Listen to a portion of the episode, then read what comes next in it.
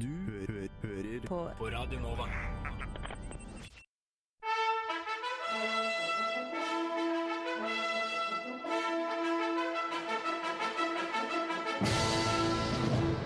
Everybody be cool. You be cool. All right, you ready to have sex? We come in peace. We come in peace.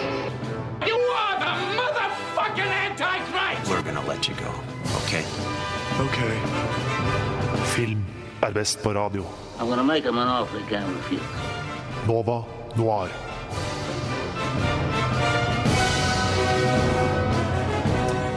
Filmelskere, vær samlet, fordi nå er det en ny sending med Nova Noir.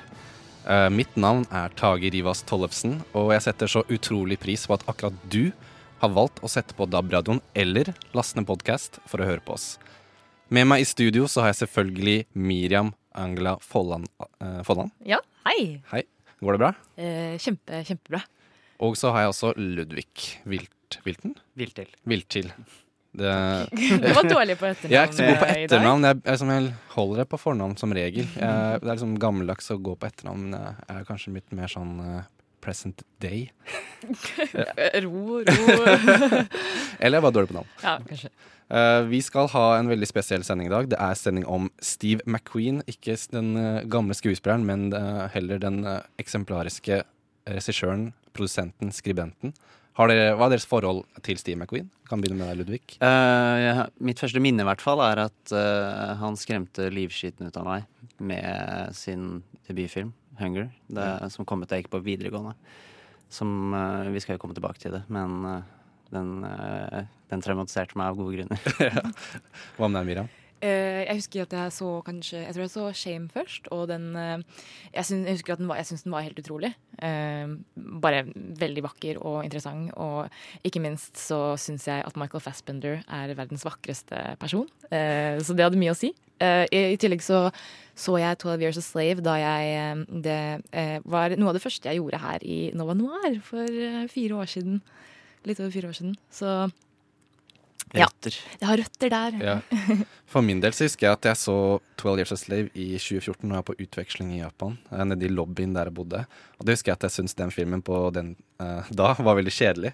For jeg synes han var veldig sånn her, ah, Dette er sånn typisk sånn Oscar Bate-film. Så jeg var sånn her, det starta litt sånn der uh, kynisk, kanskje. Men så har jeg fått mye mer sansen for den etter hvert. Ja, fordi jeg tror kanskje Jeg var jo litt yngre da jeg så den uh, enn du kanskje var. Du er litt eldre enn meg, Tage. Um, uh, men jeg husker jeg bare var sånn wow, for en film! For noen prestasjoner. Jeg var jo helt i liksom min yngste del av min filmjournalistiske karriere. Ikke Ja. Eh, vi skal også ha anmeldelse av den nye Fantastic Beast-filmen. Eh, Tone kommer inn senere i sendingen for å anmelde den. Også Litt av grunnen til at vi skal ha sending om Steve McQueen, er fordi at han er også aktuell med Widows. En helt ny sånn, eh, kan man si, krimdrama. Eh, så jeg synes at Eller den skal jeg anmelde, og jeg syns det er veldig kult å kanskje ta sånn dypdykk da, i Steve McQueen. For han er jo veldig sånn golden boy. Han har liksom bare lagd gode filmer. eh, syns folk flest. Så jeg syns det er veldig interessant å måte gå i dybden på filmene hans. da. Hvordan er han så flink? Hva er det som gjør filmene hans så bra? Og så.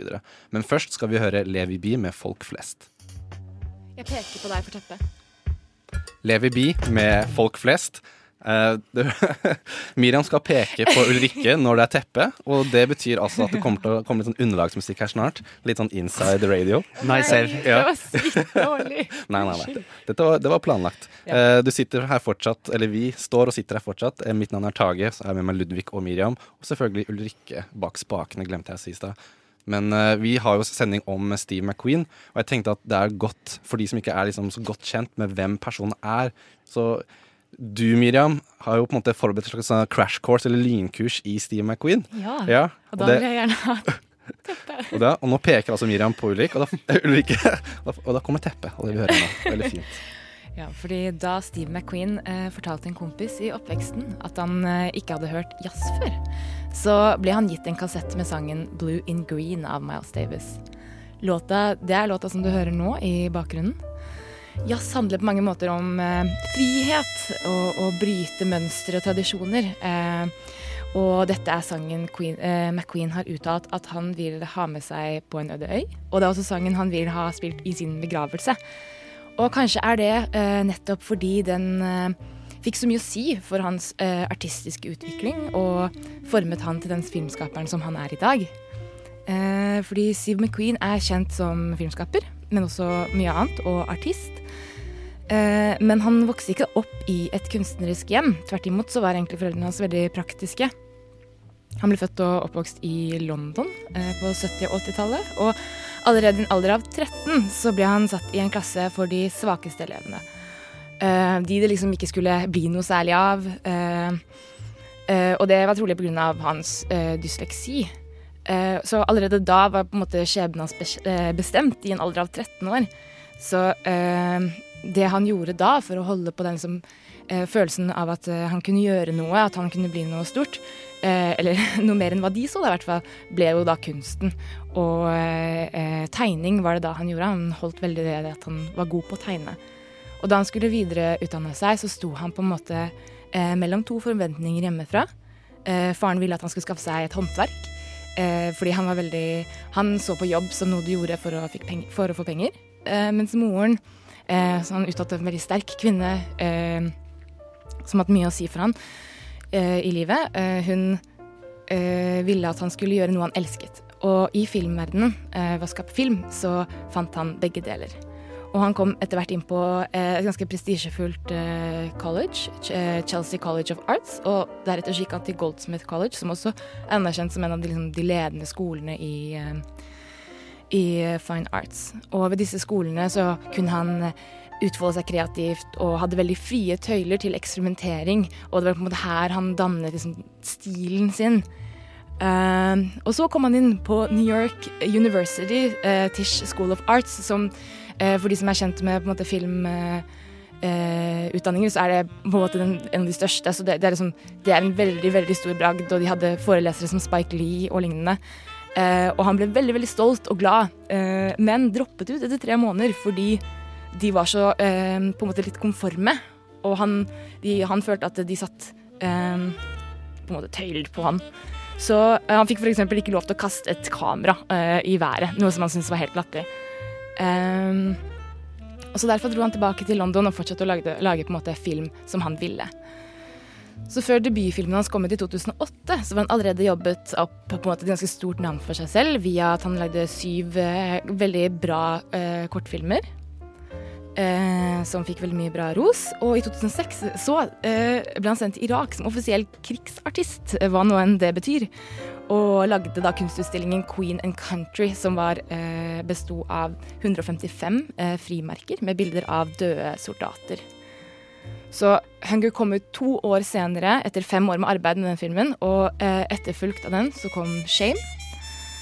Og kanskje den mest kjente filmen hans som han er mest kjent for, er den Oscar-vinnende 'Twelve Years a Slave', som eh, ja, ble den mest kjente. Utrolig bra lynkurs, eh, Miriam. Veldig bra. Så han, Steve McQueen er en person, en filmskaper, som har jobbet veldig mye før han på en måte ble, eh, ble kjent da, for eh, allmennheten, om man kan si det sånn. Så det er jo kanskje en ting som er en av årsakene til at han um, er så god fra det man tenker er fra starten av. Man har jo en veldig lang bakgrunn som filmskaper og artist uh, allerede før han debuterte som spillefilmregissør og skribent.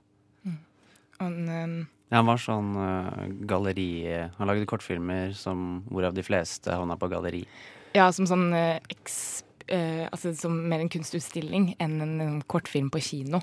Det var på en måte ikke Jeg tror ikke var hans medium, selv om han har uttalt at han hele tiden var veldig interessert i film og ville lage film på et eller annet tidspunkt. Men eh, jeg tror han er en type som har uttalt mange ganger at det, det handler mer om at temaet skaper formen.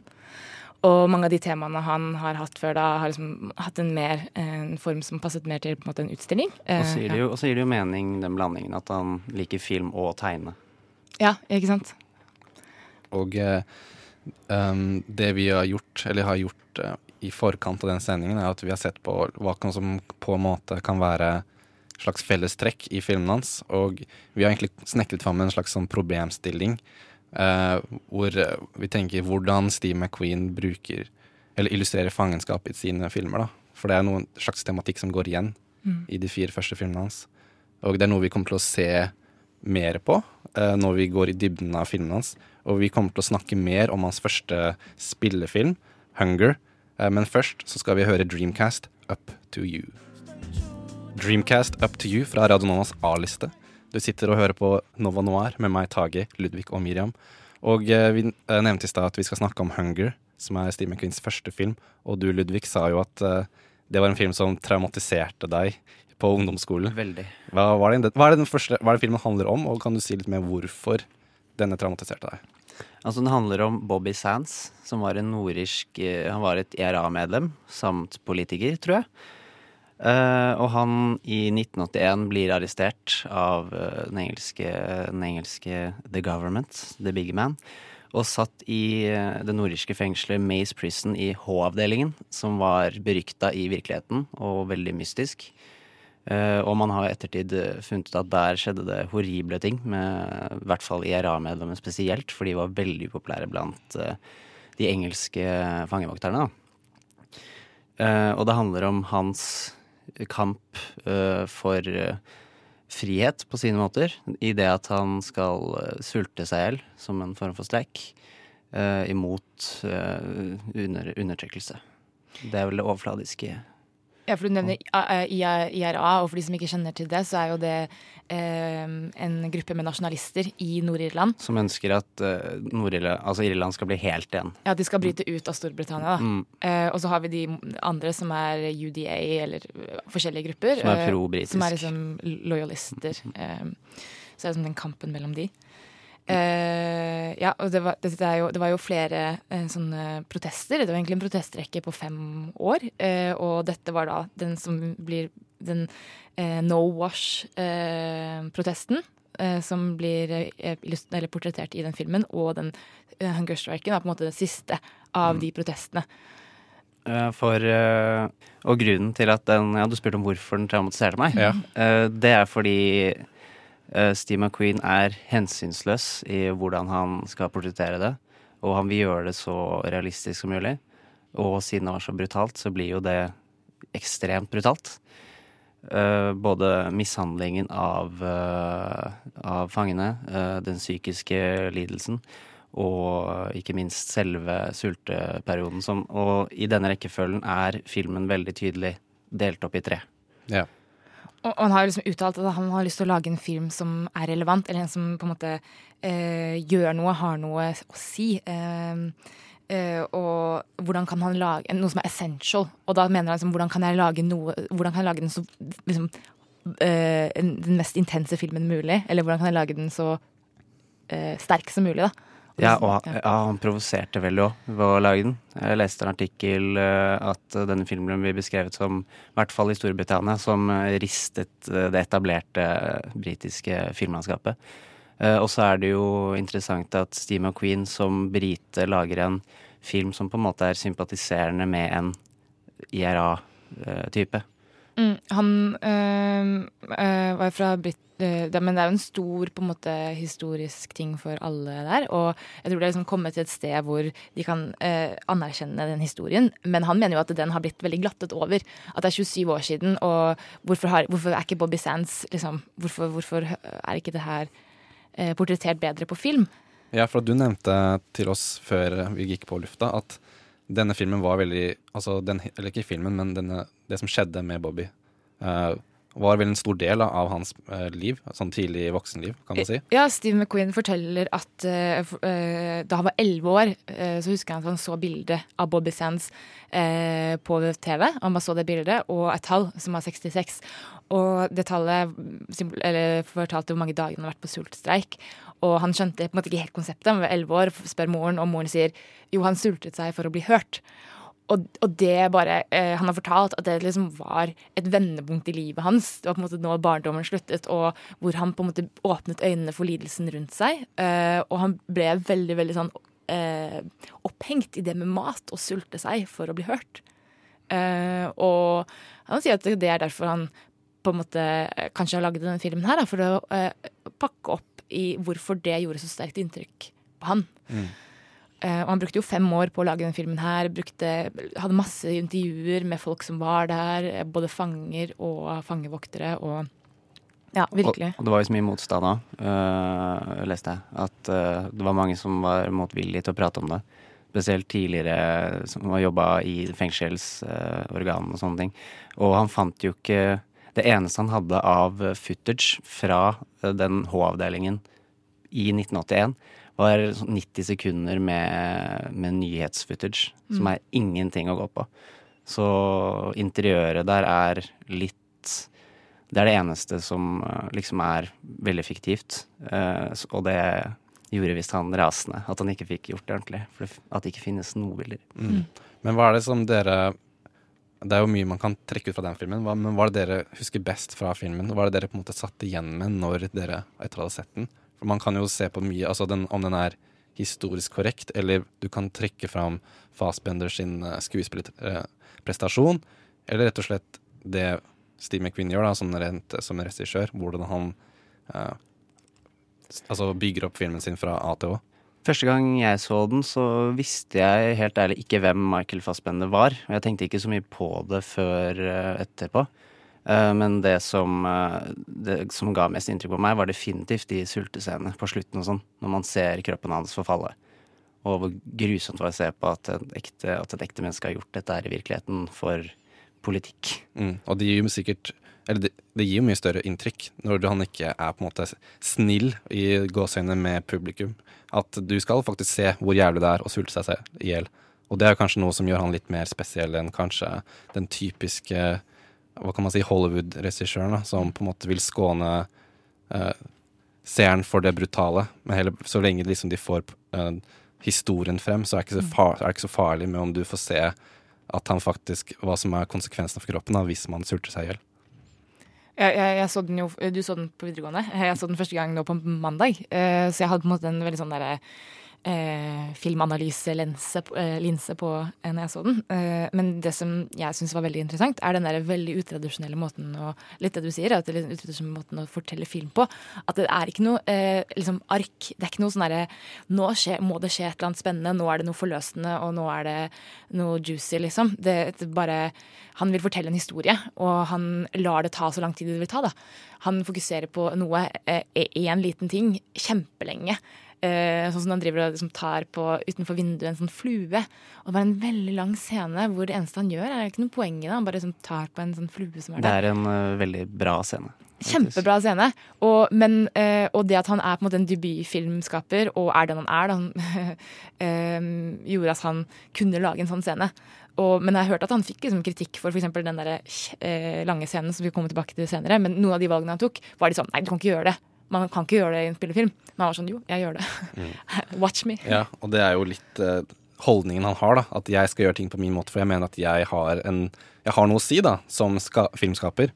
Uh, jeg tenker at vi skal snakke mer om kanskje skuespillerprestasjonene. For at, som du nevnte, Ludvig, så var jo ikke Fassbender så veldig kjent i 2008. Og den filmen her er jo kanskje en av de filmene som gjorde han uh, veldig kjent, og at han gjorde at han fikk større roller i Hollywood. Men først skal vi høre Jauska med 'Glitter Chaser'.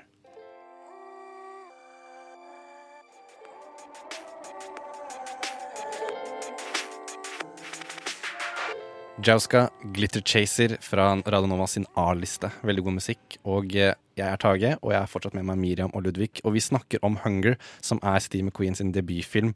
Og vi har øh, kanskje brukt mye tid nå på å etablere den historiske konteksten som filmen er satt i. Um, men sånn rent uh, hva kan jeg si, teknisk både i uh, filmteknikk og skuespill, uh, skuespilleri, så er det en veldig god film. Og da vil jeg kanskje trekke fram særlig Fassbender eh, som eh, altså, en sånn stjerne som bare skøyt over himmelen eh, i den filmen. Ja, virkelig. Jeg synes at han, eh, han var jo ikke så veldig kjent. Eh, eh, og eh, da han møtte Da eh, Steve McQueen møtte Michael Fassbender, så kjente de ikke hverandre. Men det var, jeg tror det var eh, en produsenten eller casting directoren som hadde sagt sånn Du må se han her. Og så hadde han visst kommet inn og vært litt sånn cocky. og Steve McQueen var sånn De hadde virkelig ikke likt hverandre i det hele tatt. Eller i hvert fall Steve McQueen likte hvert fall ikke Michael Fassbender. Og syntes han var Hvem er denne fyren, liksom? Uh, og fordi han brydde seg veldig mye om prosjektet, da. Uh, men så fikk han komme inn en, eh, en andre gang, og da var det på en måte en helt annen person. Og da var han bare frelst, og de har jo laget tre filmer sammen etter det. Og de har jo på en måte sammen lagd hverandres karriere, kanskje. Eh, Um, og Michael Fassbender har som sagt at grunnen til at det var for at han var litt, var litt sånn eh, standoff fordi at eh, Steve McQueen var en brite som skulle fortelle den historien. Og Michael Fassbender har et personlig forhold til den historien eh, fordi han er fra Irland. Fra The Republic of Ireland, da, men familie, han har familie fra nord. Jeg tror blant annet moren hans kommer fra Nord-Irland. Så han var, for, den, for han så var den filmen veldig viktig. Og jeg tror kanskje det er der de to møtes. Ved at de begge to har en sånn intens eh, eh, lidenskap for det temaet og for den filmen her. Spesielt siden eh, den eh, For å lage en bra historie føler jeg om den settingen, så kreves det kanskje stemmer fra begge sider. Hvis ikke så blir det Forensformig, for ensformig, kanskje. Ja. I hvert fall i forhold til det McQueen ville, ville formidle. Eh, At den kanskje ikke hadde blitt liksom for politisk, eller for at den skal si eh, gi en, eh, en slags politisk holdning, da.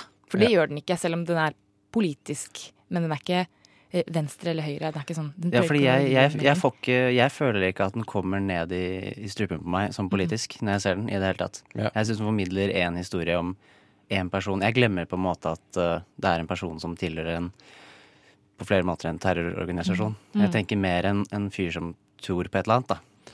Og det som jeg syns er veldig fint, er at i filmen så blir jo Bobby Sanders uh, Altså hans eh, ideer og hva han tror på, blir jo veldig utfordret av andre karakterer. Og da er det særlig en veldig ikonisk eh, sånn one take som er på rundt eh, 20 minutter. Med Er det Alan Cunningham han heter? Eh, Liam. Liam Cunningham.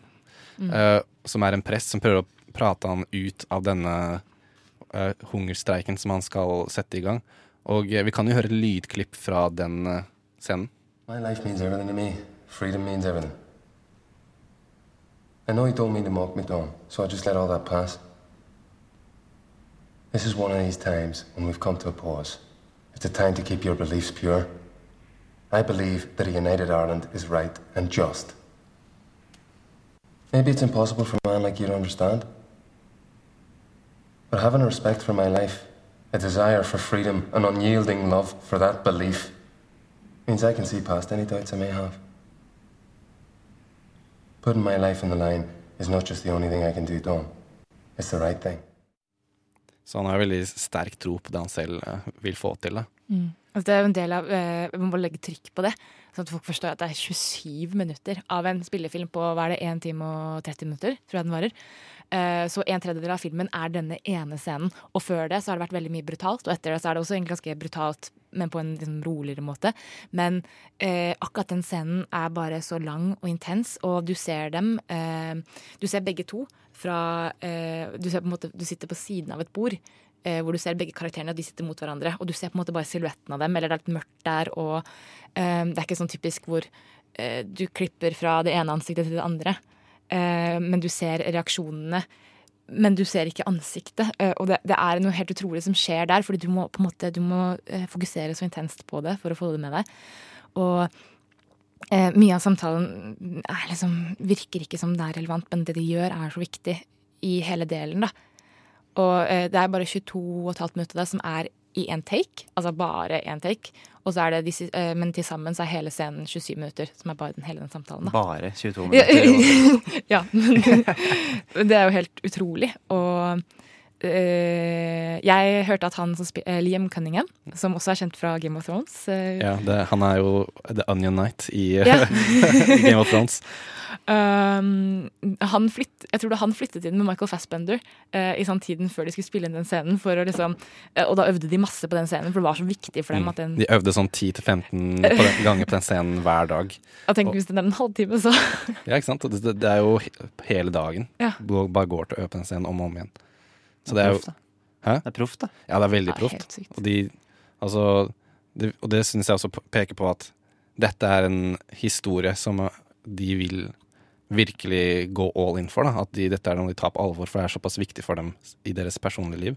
Og de er, dette er på en måte eller Det er kanskje den filmen som på et ærligst vis viser hva som faktisk skjedde.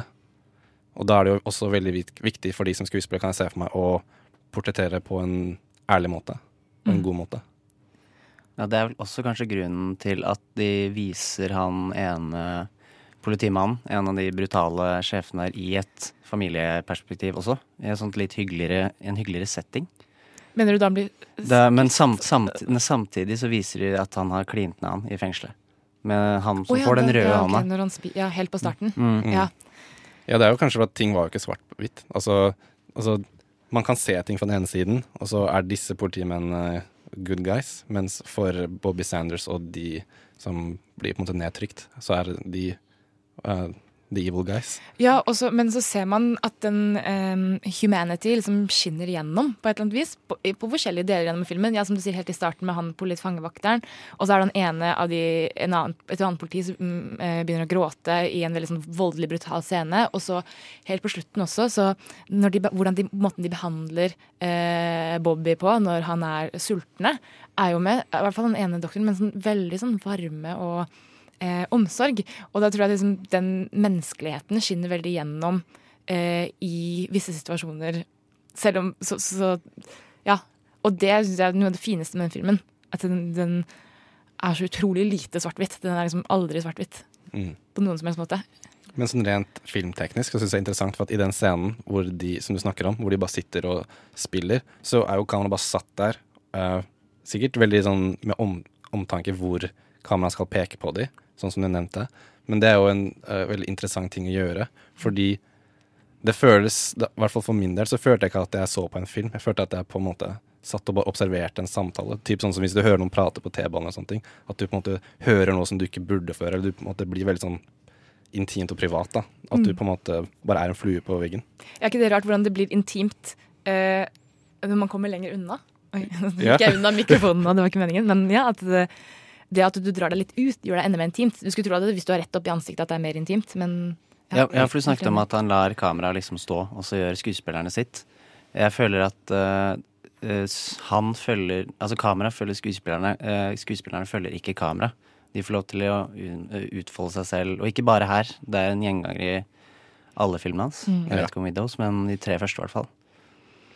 Eh, hvis vi skal snakke litt mer om uh, på en måte det filmtekniske og sånn uh, skuespilltekniske, så tror jeg kanskje vi, vi må jo på en måte snakke om den siste delen også. Eh, for den siste delen er jo den sultstreiken.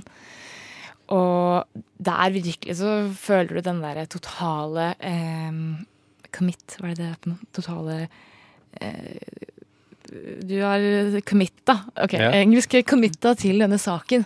Han har committa til denne filmen på et sånt helt enormt nivå. Han gikk ned sykt mye vekt, og du bare ser at de er så seriøse. Og det er noe uh, Steve McQueen har snakket om, at det, samarbeidet mellom de to var så utrolig bra på det nivået der. Og han følte at han liksom ble kjent med han på en måte som han eh, aldri ellers kunne ha blitt. Og eh, hvor intenst og flott det var. Og det ser man. Man ser liksom det i den siste delen av filmen. Mm. Ja, det er helt intense. Ja. Ja, sånn, rent eh, for å avslutte litt eh, denne samtalen om hunger. Vi snakket jo om problemstillinger og hvordan Steve McKean bruker fangenskap til å portrettere Eller hvordan han portretterer det i filmene sine. Hvordan, hva føler du om det i, i Hunger? Det er jo, det er jo et opplagt fangenskap her, og et litt mer mentalt òg. Fordi han eh, Friheten hans er det viktigste for han, og han på en måte frigjør seg selv ved å sulte. Sulte. Ja, Fordi det- det er et valg han gjør i en ellers kontrollert tilværelse. Mm, han har, øh, om ingenting annet så har han i hvert fall frihet over sin egen kropp, og øh, han kan bestemme over sin egen kropp og det han vil gjøre. Eh, så får en slags frihet i det. Og så er det også det der politiske fangenskapet som er bak konteksten, eh, ved at eh, de nasjonalistene i Irland og de, den minoriteten som blir undertrykt i Irland, føler seg fanget. Eh, og det er det denne krigen handler om. Så den protesten blir jo på en måte et brudd mot det òg, at eh, vi nekter å være fanget lenger. Og dette er den eneste måten jeg har igjen. Jeg har gitt bort alt annet. Dette er den eneste måten jeg kan protestere mot den, det fangenskapet igjen. Siste utvei. Siste. Um, men ja, jeg syns den er veldig interessant, den derre mentale eh, friheten. Eh, eh, og så kan vi kanskje koble det til den lidelsen han føler, da. For han har en veldig sånn mental eh, ikke-lidelse, men en veldig sånn fy bare fysisk lidelse, men en mental frihet, da. Ja. Og den friheten kanskje kommer med den Mm. Og han virker som han på en måte frigjør seg selv ved å kalle seg selv en martyr. Ja. At dette er eh, martyrdom, sier han jo til presten i denne lange samtalen. Ja, eller presten sier at det er selvmord, og så sier han 'jeg ser på det som mord'. Mm. Eh, og det er forskjell. Jepp. Og eh, han er kanskje eh, låst eller fanget rent fysisk, og kanskje folket hans også er fanget, men rent sånn mentalt, som du sier, så er han kanskje eh, fri. Men eh, i Shame, som vi skal snakke om nå snart, så kan vi vel si at hovedkarakteren er absolutt ikke fri eh, til sinns i det hele tatt. Det er vel stikk motsatt, ja, egentlig. stikk motsatt, og det er en ganske interessant parallell mellom Shame og Hunger. Eh, Men først skal vi høre Sandra Kolstad med Half-Life. Sandra Kolstad med Half-Life på Radio Nova. Mitt navn er Tage, og jeg er her med Miriam og Ludvig, og programmet er Nova Noir. Vi snakker om Steve McQueen. Vi har gått fra å snakke om Hunger, og nå er det Shame. Det høres ut som en del to av en slags eh, ettords eh, lidelsetrilogi med Steve McQueen og Fassbender. Og Sh- Shame handler jo om Brandon, som er en hva kan man si, velstående uh, Sånn New York business-type. Mm, absolutt. Men uh, åpningsbildet i filmen er at han ligger i senga si og ser opp med et uh, tenkende blikk, hvor han så går ut av senga si, og du ser at det kutter til shame i store bokstaver. Og man kan jo lure på hva denne skammen egentlig er for noe. Og det peker veldig tydelig, veldig tidlig at han har en slags eh, rutine som går i å, sex, onanering og diverse. Og det er jo kanskje det shame eh, handler om. Denne sexavhengigheten og skammen som det eh, bidrar med seg, da. Um, hva tenkte dere da dere så Shame for første gang? Uh, jeg måtte tenke litt på den i ettertid, eh, husker jeg.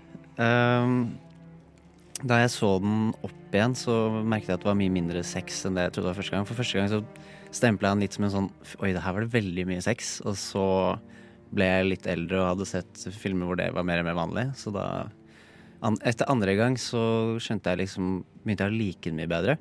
Men jeg skal helt ærlig innrømme at uh, sånn helhetlig har jeg egentlig ikke skjønt Kanskje hvorfor McQueen vil lage den her, er mitt største spørsmål. Eh, men eh, eh, Nei, eh, kan Miriam kanskje ta over? Jeg, jeg likte den veldig, veldig godt første gang jeg så den, men jeg tror ikke jeg på en måte skjønte den like mye som jeg når jeg så den i går igjen, da. Jeg, uh, nå fikk jeg jo helt annen sånn syn på den, kanskje også etter at jeg har tatt Hunger og har det i, i bakhodet, men eh, den er så utrolig sammensatt. Og den, den er liksom på veldig mange måter et mesterverk. Fordi den, ja, jeg syns den er helt utrolig på veldig mange aspekter, som vi skal komme tilbake til. Ja. Og det vi hører i bakgrunnen, er jo musikk, eller tema, til Brandon fra filmen. Og eh, man kan høre en slags sånn tikking, sånn rytmisk tikking i filmen. Og filmen starter jo med at han har et slags morgenrituale som går i det der å stå opp, onanere, ha sex, eller legge seg igjen. Går han jo fysisk i en sirkel i leiligheten. Og det er jo veldig symbolsk for det temaet, eller visuelt, eh, visualisering av det temaet om at han har en rutine. At det er eh, nesten som et rituale han går igjennom dag etter dag etter dag. Og det hører man på en måte i den, eh, i den musikken her òg. At du har den derre tikk-tikk-tikkingen, men så har du også den derre eh, Det vi hører nå. Ja, som er liksom symfoni, eller hva Jeg kan ikke sånn musikkterms, men som også er veldig sånn nedstemt, men også veldig repetativt. Og den har på en måte aldri noe release. Mm. Men denne man kan si, ritualet hans blir jo brått avbrutt eh, når eh, søsteren hans Sissy eh, dukker opp veldig brått på døra.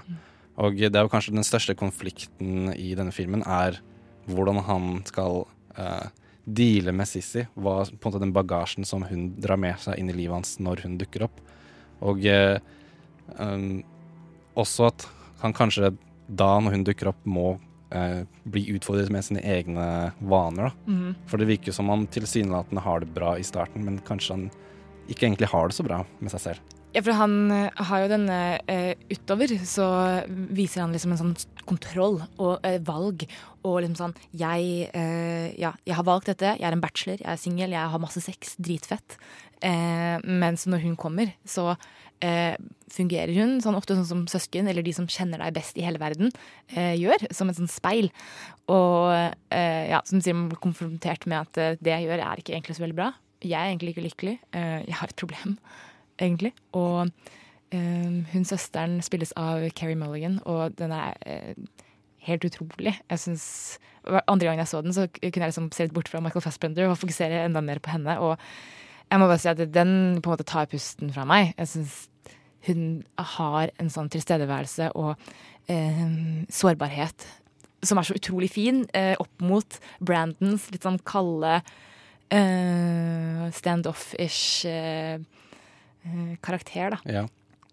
En ting som jeg merket sånn rent visuelt i denne filmen, er at eh, som jeg nevnte, den første scenen vi ser, det første bildet, så ligger han uh, i senga si, og han har blå dyne. Mm. Og jeg føler at den blåfargen går veldig igjen, for han går veldig mye med sånne blå, kalde klær.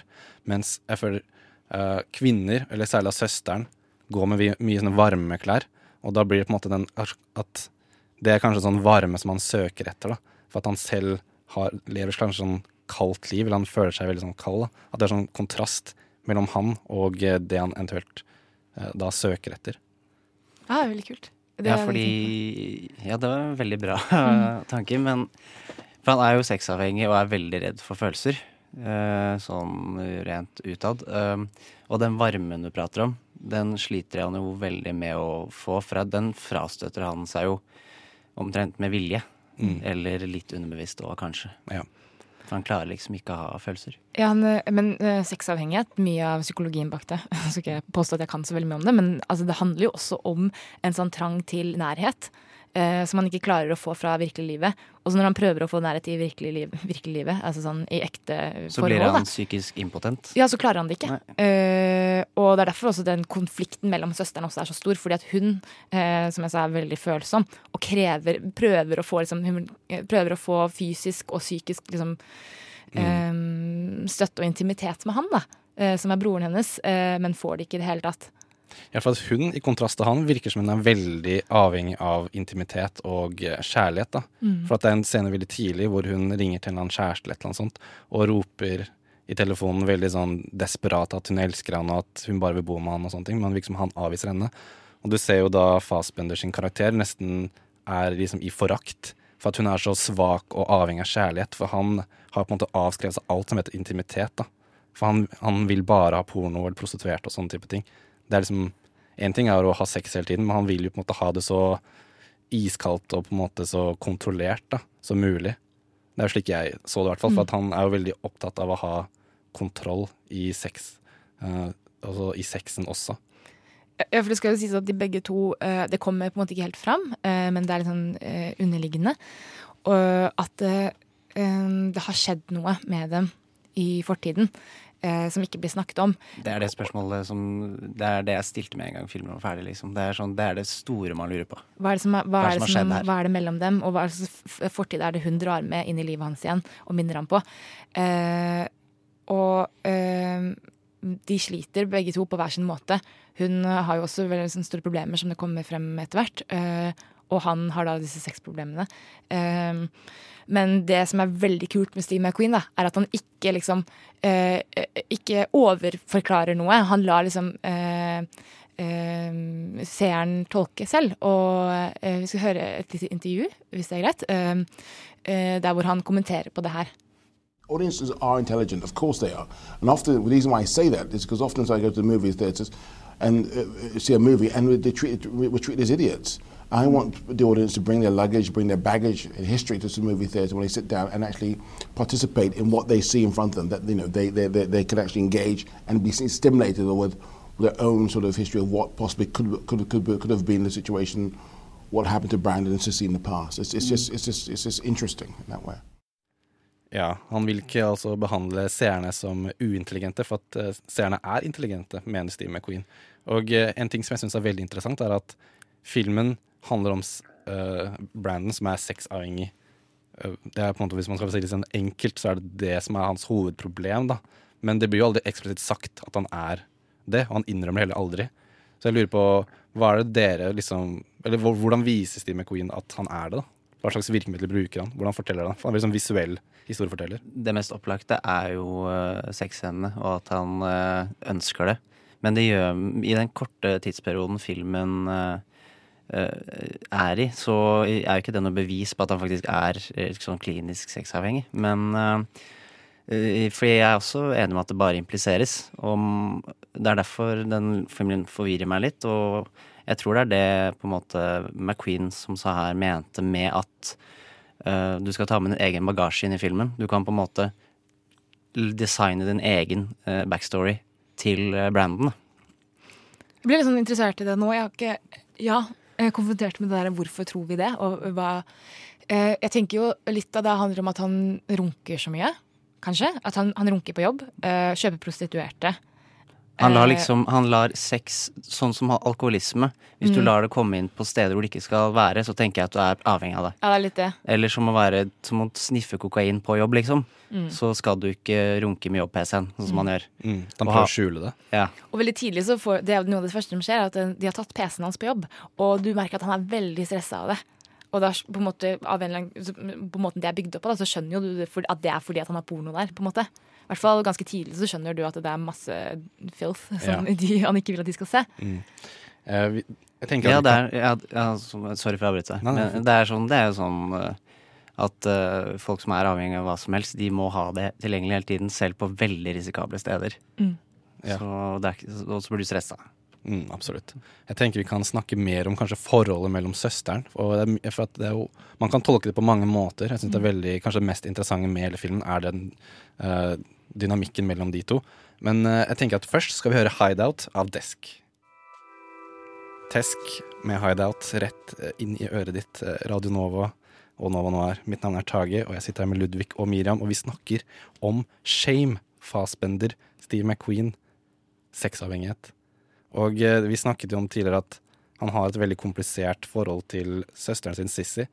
Og det kanskje en av mine store spørsmål når jeg så filmen, var hva slags Hvordan ser Brandon, altså Fassbender sin karakter, på Sissy? Hva er det som gjør at han på en måte ikke vil ha henne i livet sitt? da? For at veldig tidlig i filmen så hører man at hun legger en beskjed på telefonsvareren, og han vil aldri høre på det eller ringe henne opp igjen. Så til slutt så må hun bare liksom overraske han med å dukke opp. Og hvorfor? Hva er det store spørsmålet? Ja, og du merker jo eh, en ganske sånn rar spenning mellom de. Eh, som jeg egentlig tror at uh, man kan relatere til hvis man har søsken uh, som er av det andre skjønnet. Eh, og det snakker han om. han, har Steve McQueen sier at han har, han har en søster. Og det samme Michael Fassbender har en søster, og Carrie Mulligan har en bror. Så de liksom visste veldig om denne liksom, mot, eller friksjonen da, som kan være der. Som på en måte nesten uunngåelig også blir seksuell. På en måte. Det Høres veldig incestuøs ut, men, men eh, ikke fordi de nødvendigvis vil ligge med hverandre, men fordi at dette her er et menneske av det andre kjønn.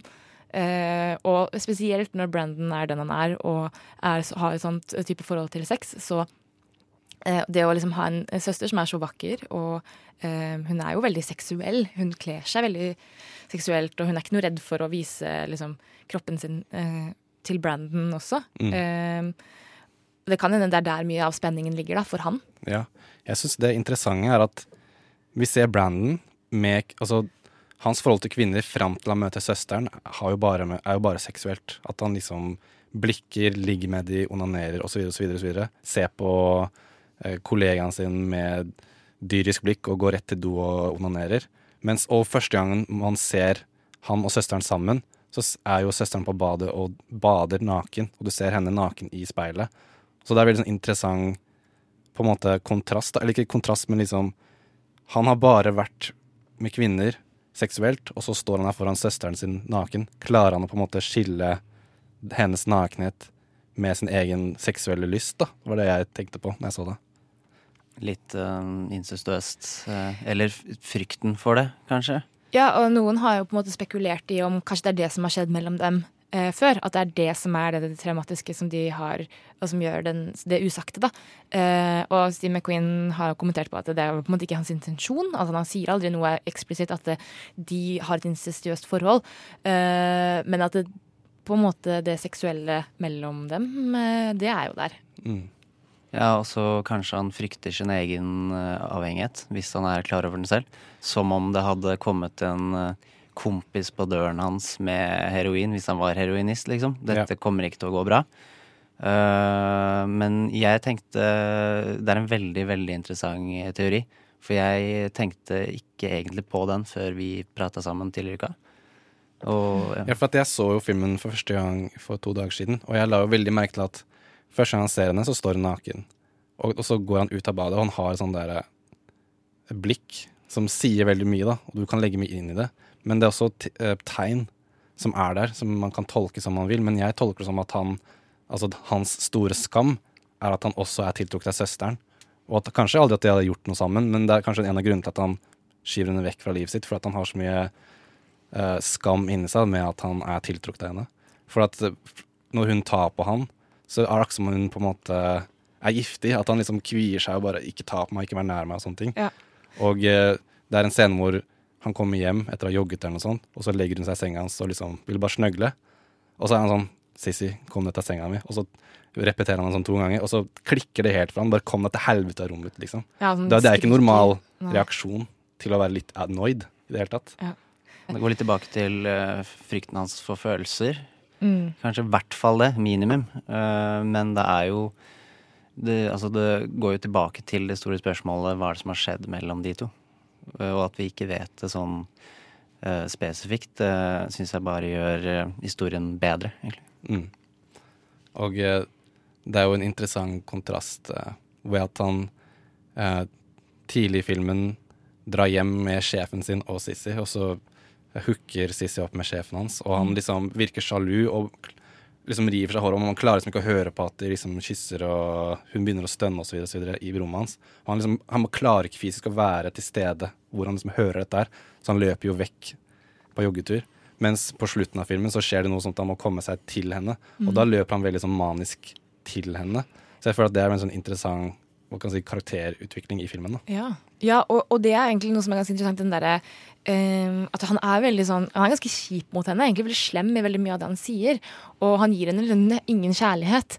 Eh, men så har du disse øyeblikkene hvor du merker at han er veldig veldig glad i henne også. Sånn, eh, en scene som, jeg, som er veldig vanskelig å tolke, når hun synger eh, Hun er jo en musiker, og så drar han og ser på henne synge i en sånn New York eh, høy restaurant-type sted. Eh, og så ser du at han begynner å gråte. Eh, og det dette er jo en mann som liksom ikke viser henne noe følelser, uh, svarer henne så vidt når hun prater til han. Og Den uh, Jeg vet liksom ikke helt hvordan jeg skal tolke det, annet enn at han er veldig glad i henne, og kanskje det minner han på liksom, tiden før, som han har prøvd å stenge ute. Mm. Og også det du sier på slutten, så er han jo veldig Det, også det som skjer mot slutten, er jo en sånn varme Ja. mot henne. Hvis vi skal tenke på problemstillinger, da, at han, altså fangenskap i film hvor, som et virkemiddel, hvordan tenker dere det ble brukt i denne filmen? Um, som vi sa uh, når vi tisa til uh, når vi skulle prate om Shame, er at dette er jo helt, helt motsatt av Hunger, vil jeg si. Han her er helt fanget inn i sitt eget hode, men utad lever et veldig, veldig fritt liv. Ja, absolutt. Han er jo velstående og har leilighet og økonomisk Altså alt er på stell. Men sånn rent følelsesmessig Altså han er liksom følelsesmessig blottlagt og avhengig. Det er en dårlig kombo, og det er definitivt et uh, mentalt fengsel òg. Ja, og du merker jo det fengselet, spesielt kanskje i, helt mot slutten. Eh, Ja, eh, det er på en måte mot slutten, men det er ikke en spoiler. Det er, ikke- det er ikke et plott, det er ikke, Dette er ikke en plottbasert film. Så, men han har liksom en sånn sexscene mot slutten som er helt ekstremt intens. Og eh, hvor du bare ser den liksom smerten og frustrasjonen over at Og den bare varer og varer og varer. Og er liksom ikke noe nytelse, ikke noe liksom bra. Den er bare egentlig helt jævlig, og du ser det på hele han. Altså den eh, Dette her orker han ikke mer, nesten. Men han må. Han må. Ja, han må. Og det syns jeg var helt latterlig bra spilt av Fassbinder. For Ja, sånn, han liksom står og bare peiser på, liksom, han har det ekle liksom, pornoblikket, og så bare bryter han helt sånn sammen. Akkurat som han er en liten guttunge som har mista mora si eller et eller annet sånt. Det er helt sjukt. Um, og eh, det er jo mye vi kan si om filmen, men jeg syns det er veldig interessant at filmen starter med en scene hvor han er sitter på eh, T-banen og har sånn lystig blikk og en sånn liten sånn her flørt med en dame som er gift, da, for man ser at han gifter giftering. Hvor han prøver liksom å jakte på henne etterpå, men så klarer hun å komme seg vekk. Og mens på slutten av filmen så har det gått litt tid, da. Og da er det på en måte oppdaga den samme jenta igjen. Men på, nå så tenker vi sånn Har han på en måte forandret seg eller ikke? Det er liksom, Man får aldri svaret. Nei, er- fordi du ser at hun ser han, og da på en måte hun på en måte inviterer han til å gjøre det som hun ikke turte sist. Ja, Og så slutter det med at uh, man ikke helt vet, da. ja, man vet ikke hva som skjer. Så jeg syns det er en utrolig kul måte å avslutte filmen på, for du sitter igjen med muligheten til å spekulere og stille seg et spørsmål, istedenfor å få et sånn derre Så sånn endte det til slutt for Brandon. Og eh, eh, vi har ikke snakket så mye om liksom, samarbeidet mellom Steve McQueen og Martin, Fass nei, Martin sier jeg, med, Michael. eh, Michael Fassbender i den filmen her. Men de, hadde også et, de har jo et veldig flott eh, partnerskap. Og eh, Michael Fassbender er en utrolig skuespiller. Og eh, jeg vil egentlig, jeg, fant et intervju hvor de snakker sammen om, eh, om hverandre. Eller i hvert fall eh, Steve McQueen snakker om Michael Fassbender. Så kanskje vi bare skal høre litt på det. Yeah, but you know trying to sort of you know occupy somebody else's shoes for a while, and uh, and um, and explore their world, and uh, and I find that you know. Uh, interesting myself, but also um, I don't know. I, you know, it's like I don't even know a lot of the you know how I feel about anything, but I I, I want to dig dig up and, and, and sort of scurry And around. That's the power, if I may interrupt. Sorry, of, of, of Michael. You know, he is the. F- so removed from Brandon O'Sullivan in the movie. I mean, they're talking shit. It's not, you know, no, nothing is uh, like Michael. Michael, they're so far apart, but he could bring himself to that character in such a way, which is kind of amazing. Inhabit that person, you know. And also with with other characters, you know, he, he's played, you know, obviously and, and, and Anga. You know, he, you know, Mi- Michael is, is far removed from people, but he can embody. it. He finds something sympathetic in them and, and gives them life. And you see this character sort of rise from, from nothing into this fully fledged uh, person. You see Brandon O'Sullivan. He's no longer Michael Fassbender. And then, you know, when we start cut, he's back to Mi- Michael. How, is he do- how he does it, I, I, I, I don't know. But it's amazing. I'm going to sort of jump in on that one as well because I think you know when we were doing Hunger, it was like crystallized a lot for me. You know, Steve was like, you know, we, we want to show a mirror, so it's like people can recognize themselves one way or the other in what they're seeing, or recognize it, the world, or whatever it, it may be. And it made me realize, okay, you know, that's the interesting thing about acting. It's not trying to remove yourself from the audience that you're sort of untouchable. It's actually just uh, uh, you know, trying to represent uh, and, and sort of be something that they can sort of acknowledge. It's like when I read a book, you know, whatever, when I, the, mo- the most powerful thing I think we can do is like when I was 15 or 14, I read a book and I'm like, wow, you know, I'm not the only one that feels these things. There's somebody else is, is feeling this, you know, so it, it, it makes us feel like, you know, we're, we're not alone, I think. Yes, but Michael, the genius is that you can actually translate that. hey, not a lot of people can do that. And that's, I'm sorry to be interrupt again. You can, you, you can translate that. Not a lot of people can do that. It can translate humanity. Wow, that's pretty, pretty, pretty stunning. Her hørte vi uh, Steve McQueen og Michael Fassbender i et intervju sammen hvor de snakker om uh, Fassbenders uh, nei, eh, skuespillerteknikk og liksom the power of Michael, som Steve McQueen prater om. Og han drar det helt tilbake til Hunger. Så det er veldig kult å se liksom eh, eh, Ja, den parallellen og eh, den kraften da, som Mm. han har. Og det er kanskje det de snakker om, det med at han oversetter humanity, eller medmenneskelighet, som gjør at man, i hvert fall for jeg, at jeg klarte å føle med Brandon da, i Shame. At selv om han på mange måter er en afylig eller ekkel fyr, så føler jeg veldig med ham, for at han, du ser at han sliter.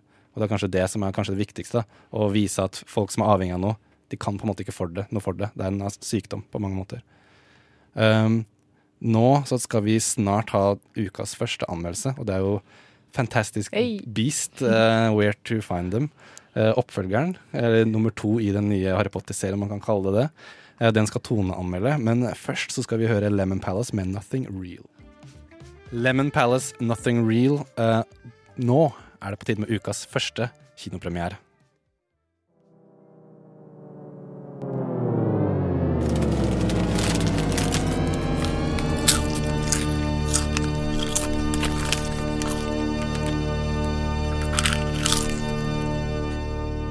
Ukas kinopremierer.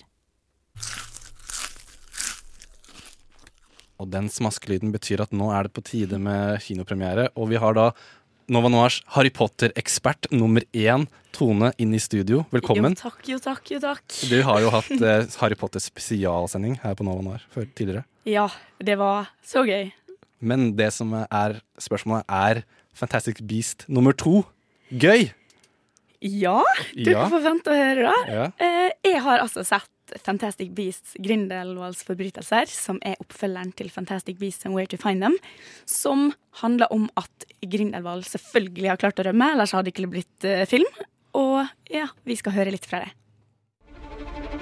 The wizarding and non wizarding worlds have been at peace for over a century. Grindelwald wants to see that peace destroyed.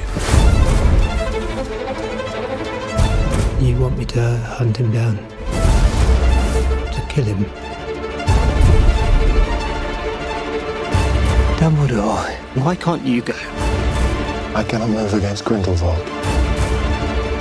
It has to be you. You don't suffer from motion sickness, do you? I don't do well on boats. You'll be fine.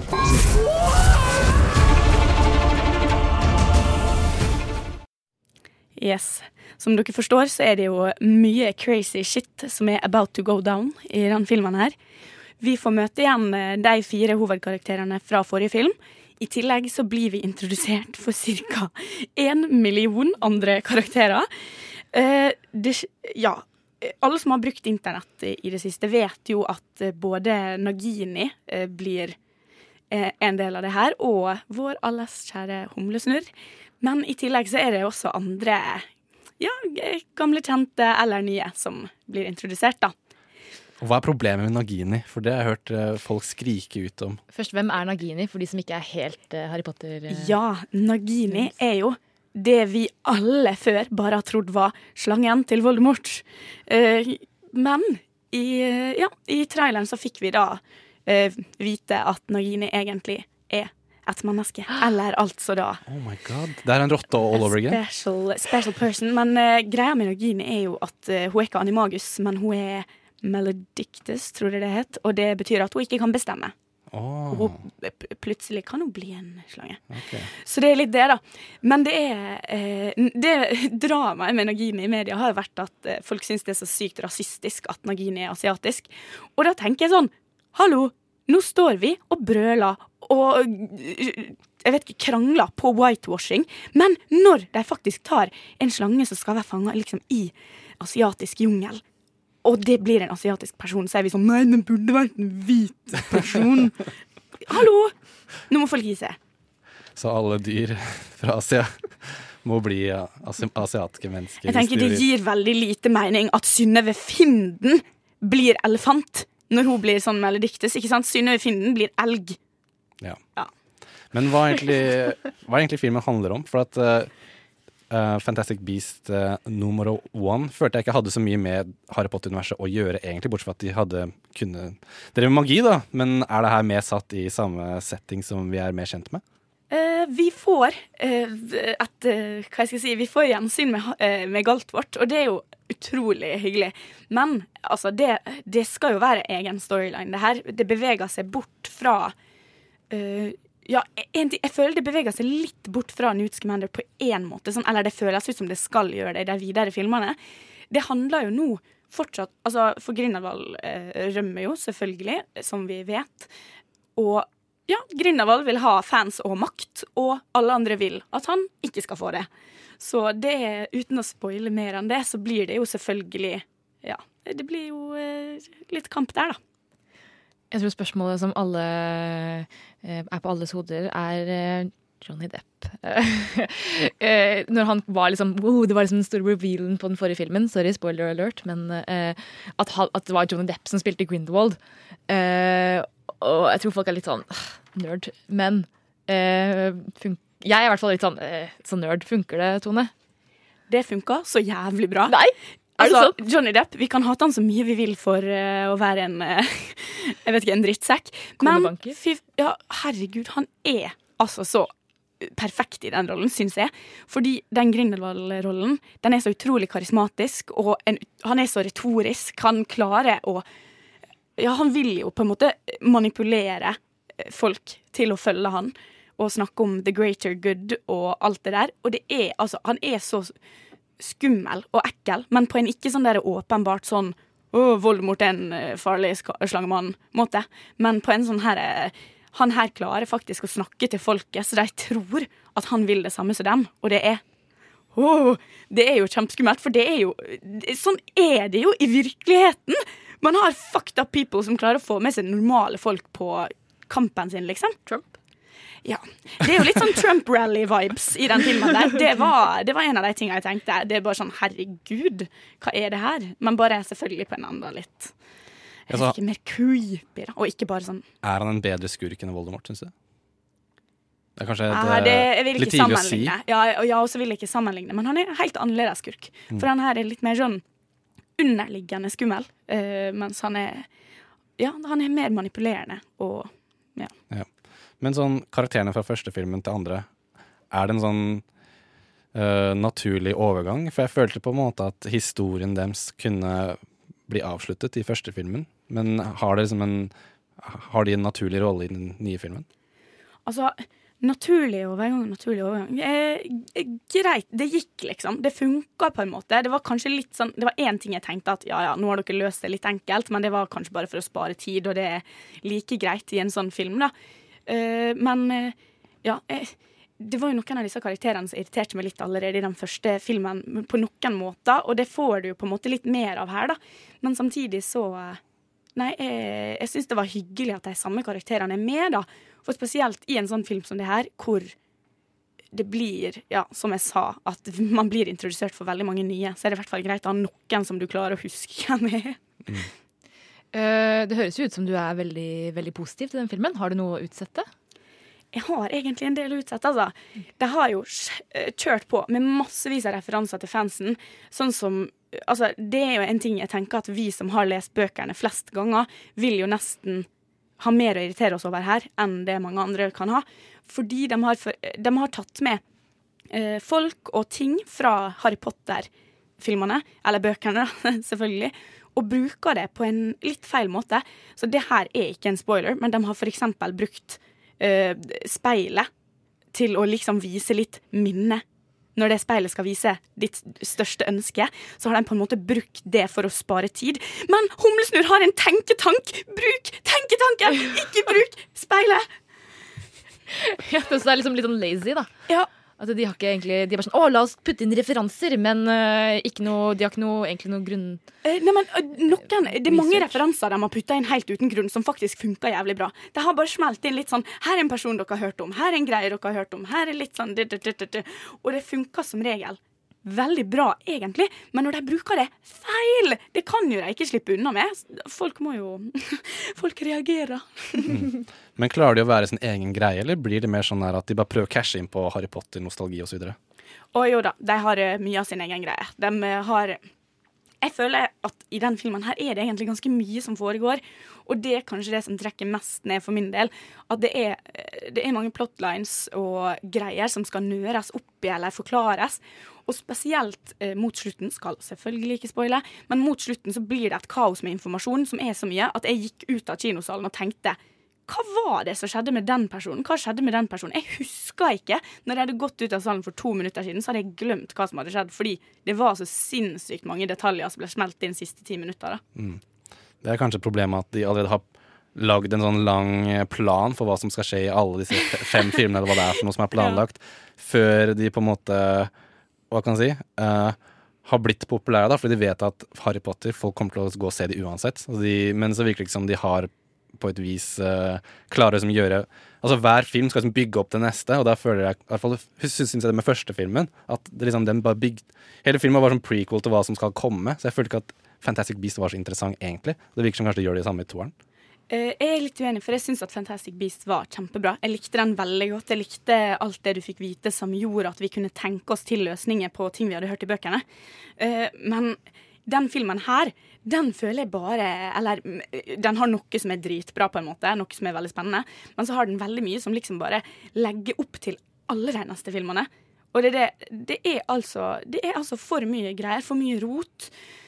For mye liksom sånn det, det kan godt hende at når du har sett filmen to eller tre ganger, så er det da har du full kontroll, og når du da ser de neste filmene, så er det veldig bra at du så den filmen flere ganger. Men jeg føler i hvert fall at når man bare ser den én gang da på kino, så er det litt det er litt for mye til at man klarer å sette pris på det. Mm. Men sånn all over. Hva, hva vil du gi denne filmen? Jeg vil gi den filmen her en seks av ti. Oi, det syns jeg var uh, Jeg, altså, jeg, altså, jeg føler at dette er sikkert fortjent. For, ja. for jeg var egentlig ikke så veldig fan av den første filmen. Jeg kan se for meg at Jeg håpet på at denne, at denne kanskje skulle være bedre, men det høres ut som den kanskje går nedover. Jeg tror at uh, det har veldig Det har et, sikkert et veldig godt utgangspunkt for å gjøre de neste filmene mye bedre, fordi nå har de proppa oss full med informasjon vi kan bruke seinere. Men her ble det rett og slett for rotete, for mye kaos. Og det var litt det med disse referansene som ble brukt litt sånn rart. Og ja, mye Det var, det var veldig cheesy monologer. Mm. Mange steder så var det så cheesy at jeg ble litt sånn Å, kom igjen. Ja. Men så var det jo Ja, det var veldig mye positivt. For eksempel åpningsscena er så kul at jeg tenker det er verdt å kjøpe 4DX bare for åpningsscena. Og det visuelle er som sagt nydelig. Er det magisk? Det er ganske magisk, det vil jeg si. Mange av detaljene er så fine at du sitter der og blir helt sånn Yes. Tusen takk, eh, Tone, vår Harry Potter og nå Fantastic Beast-ekspert. Vi skal nå høre Calvert med avstand, og så etter det skal vi snakke om noe som ikke er så magisk, nemlig slaveri og 12 Years a Slave. Calvert, avstand, Radionova, Nova Noir. Det er det du hører på. Mitt navn er Tage, og vi hadde akkurat eh, Tone på besøk, som anmeldte Fantastic, Fantastic Beast eh, eh. Forbrytelser. Forbrytelser. Ja. Han er på kjøret, han fyren. Eh, nå skal vi snakke om 12 Years a Slave, den tredje filmen til Steve McQueen, og den filmen han også vant Oscar for, for beste film. Og da, da ble han faktisk den første eh, African American, eller, African, eller sorte personen. Han var ikke altså. African American. Nei, African British. Som, svarte, ja. sorte, som vant eh, Oscar for beste film. Og eh, hva er det egentlig filmen handler om? Den handler om Solomon Northup, som var en ektemann. Det er basert på hans memoarer ved samme navn. Og det handler om da han ble, som en fri uh, afroamerikaner i slaveritiden, blir uh, hensynsløst uh, stjålet, rett og slett, av to menn som lurer han med jobbtilbud, tror jeg. Så tar de han med til sørstatene, hvor ting er litt vanskeligere for svarte.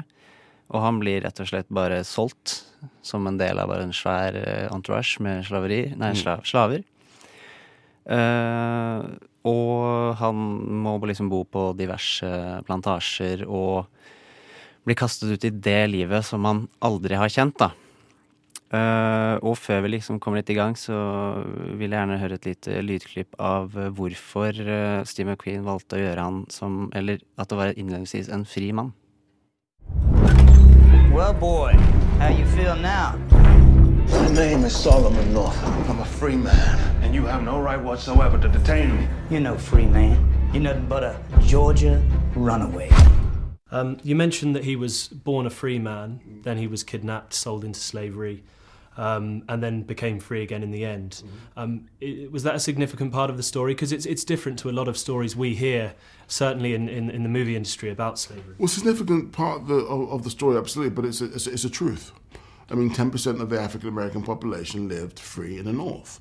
Um, the story of an African being, t- you know, taken from Africa to America, for me, had been told in, in, in a very powerful and effective way through roots. I wanted to, to deal with the whole idea of uh, dealing with a, a Native American, as such, uh, who who had been, you know, gone through that same ordeal. Det hørte altså et lydklipp fra YouTube-kanalen ODN. Ja, og her ser han at han ville ha en historie om en amerikaner, og ikke en afrikaner, som har blitt eh, stjålet og solgt. Eh, og her kommer vi tilbake til fangenskaps... eh, det som fangenskapsgreiene til McQueen. Da. Mm. At det er en person som er på en måte fri et eller annet sted. Uh, og på samme måte som, uh, som Bobby Sands, så er jo, viser jo Solomon en ganske god selvtillit selv når han er slave. Han er ganske mentalt fri, selv om det i løpet av disse tolv årene så, så forfaller jo det en del, da. Men uh, som den scenen hvor han uh, er ganske ekkel, egentlig, mot en dame som har hatt barna sine blitt solgt til en annen plantasje, og så ber han henne om å skjerpe seg. Slutte å gråte Ja, slutte å gråte og ha et, og ha et bra ha en sterkere mentalitet, for det er det eneste som kan redde oss. Og han sier liksom vi må vente på å bli fri, eller en eller annen gang så kommer friheten. Mm. Og han lever på håp, da. Håp er jo liksom noe av det sterkeste mennesket kan ha. Fordi når man mister det, så er på en måte alt ferdig.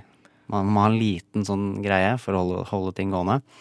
Og det klarer han stort sett hele tiden. Det er scener hvor man kanskje tenker at han, nå er han helt nede. Jeg synes Eh, det er også helt utrolig spilt av Chivetel Ejofor Ejiofor.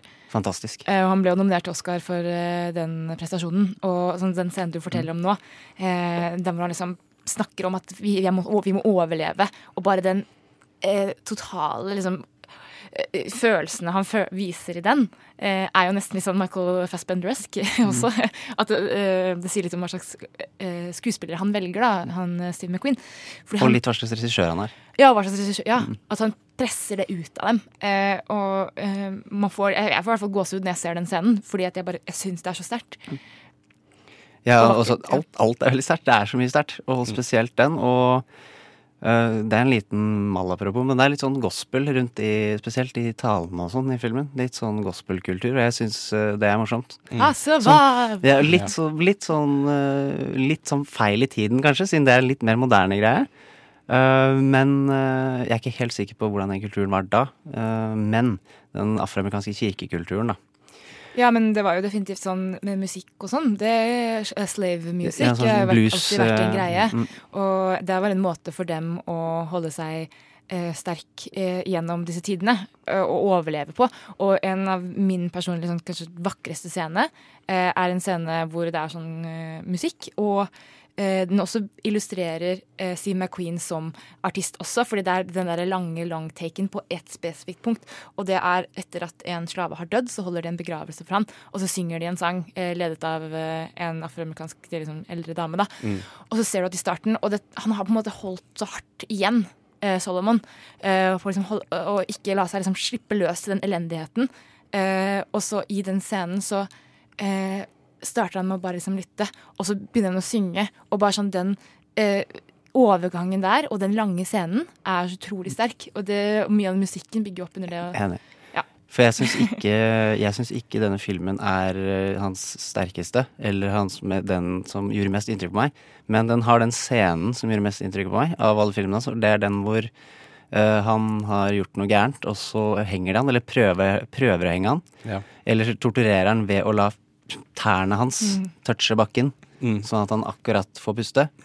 Uh, og så er det et, jeg tror det er nesten to minutter hvor kameraet bare står der og lar han henge der. Ja, det- Og så hører du sånne slitelyder, spytting og harking. Ja. Og jeg husker når jeg satt der på kinoen, da ble jeg sånn Det er første gang jeg har følt, eller er en av de få gangene jeg har følt ren, ren vemmelse for, av andre mennesker. Bare sitte og se på det. Jeg tror aldri jeg har sett sånn slaveri eller Ja, nei, jeg ble helt uh, kjempesint. Ja, for at det er jo, vil jeg trekke tilbake til Hunger, hvor Steve McQueen For å få budskapet frem, føler jeg, så lar han folk som ser filmen, bare sitte der i den der smerten. smerten. Ja, du må eh, føle med ja, dem. Han tvinger deg til å føle med ham, for at han står der på, på tærne i gjørma og så vidt får puste i sånn mange, mange minutter. Og jeg tipper det er sånn en eh, dårligere eh, filmskaper ville bare hatt det her i sånn 10-20 sekunder, og så bare OK, nå har liksom fått, folk fått med seg poenget. Men nei, du skal virkelig sitte igjen med et inntrykk etter å ha sett filmen, for å kanskje få hjernen din til å tenke annerledes om noe, da. Eller kanskje forstå litt hvor jævlig folk faktisk hadde det. Og det samme gjelder jo for liksom, noen av de piskescenene. Og kanskje den verste liksom, scenen er når han pisker hun unge jenta, Patsy. Patsy. Eh, og han bare tar den så langt, og han tar den til et punkt hvor du er bare sånn Det her går ikke lenger. Og så tar han den enda lenger, og bare fortsetter. Og det liksom Ja. Holder Gir, gir seg ikke. Han bare drar det ut. Ja, og det er ikke sånn at du å, jeg har ikke lyst til å se ryggen hennes etter å ha blitt piska så hardt. Jo da, du skal se ryggen. Du skal se hvor, hva som blir konsekvensen av å bli piska så hardt i flere minutter. Steve McQueen utfordrer definitivt det der begrepet 'ignorance is bliss', som mange mennesker egentlig foretrekker å ha det. At eh, hvis man ikke ser det, så er det ikke et problem. Men så liker jeg veldig godt at han gjør det ikke for liksom, å bare skape dramatisk effekt. Uh, måten Han gjør det på, han, er ikke sånn, han, sånn, han snakker litt om det at han tar ikke på en sånn mørk linse og film det fra denne vinkelen, for da blir det eklest mulig. Poenget hans er ikke å lage en skummel film. Poenget hans er å uh, vise virkeligheten uh, så unadulterated og ekte som mulig, og gjennom det vise hvor jævlig det var. Og det syns jeg han gjør det er, liksom, gjør han til liksom, en fantastisk og kanskje grunn til at han vant Mm. Oscar. da. Og det går litt tilbake på at han liker å bruke naturlig lys. Så all, Ja. alt rom er i de fargene som uh, vi hadde sett i samme rom. Mm. Men litt kort, eh, altså fangenskap på film. Steve McQueen. Altså Vår hovedkarakter i denne filmen er også fanget, men uh, så, hvor, føler at han er fanget, bortsett fra at han fysisk er en slave? Eller er han sånn mentalt fri, sånn som kanskje Fassbender sin karakter er i Hunger? Tenker Eh. Jeg tenker han definitivt er en fange. Eh, jeg vil si at slaver er fanger på flere måter, men det er en annen type fange enn å sitte i fengsel, f.eks. Du er en arbeider som eh, er tvunget i arbeidet ditt, men du har et friere rom, på en måte, men veldig begrenset. Men jeg vil si at han er ganske I situasjonen sin så vil jeg si at han er ganske mentalt fri. Jeg tror han er et eksempel på en sterkere type i den settingen. En som ikke har gitt opp. Eller som, ikke ne en som nekter å gi opp. Men tenker altså, Det er tolv år, 12 years a slave, og jeg, jeg merket på en måte kanskje en sånn, en sånn kurve på det. At han i helt starten, mange, og det er derfor han liksom flytter fra slavehandler til slavehandler, er fordi at han liksom ikke gir opp. Og så kommer han til slutt til liksom slavehandleren spilt av Michael Fassbender, som vi ikke har nevnt, som også spiller i den her, helt fantastisk. Uh, en veldig ondsinnet, forferdelig slavehandl- eh, sla, slavearbeider Nei, hva heter det? Slaveeier. Slaveeier. Eh, um, uh, jo, og så kommer han dit, og han blir kalt the nigger breaker. Uh, og han uh, liksom der hos han, på et eller annet punkt, så syns jeg jeg merker en sånn at han til slutt liksom gir opp. Og litt i den sangen som jeg nevnte i stad, hvor man ser at han begynner å synge med. Og han på en måte nesten mister litt håp etter hvert, da. Mm. Eh, som ikke er rart, men ja, at han blir liksom mer og mer fanget utover. Og jeg synes også er det en annen scene. Han er jo fiolinist. Det er viktig å nevne. Så er det en scene hvor han har fått en fiolin for å spille. Og det er en scene hvor han knuser den. Da føler jeg også han er gitt opp. Mm. Ja, fordi at det, han oppførte seg litt sånn privilegert, føler jeg, ganske lenge i filmen. Men den scenen du snakker om hvor han på en måte For han, han har tatt litt sånn avstand fra slavene, føler jeg. For at han er sånn Han har jo vært frimann. dem, Han er liksom en velstående, rik fyr som er sånn kjent musiker. Og så når han først begynner å synge og klappe med på den begravelsen, da føler jeg at han gir slipp og bare eh, aksepterer tilværelsen han er i, da. Um, så det er en veldig god film sånn rent skuespillermessig, men av en eller annen merkelig grunn så er det kanskje den karakteren som jeg sympatiserer minst med i alle Steve McQueen sine filmer. Mm.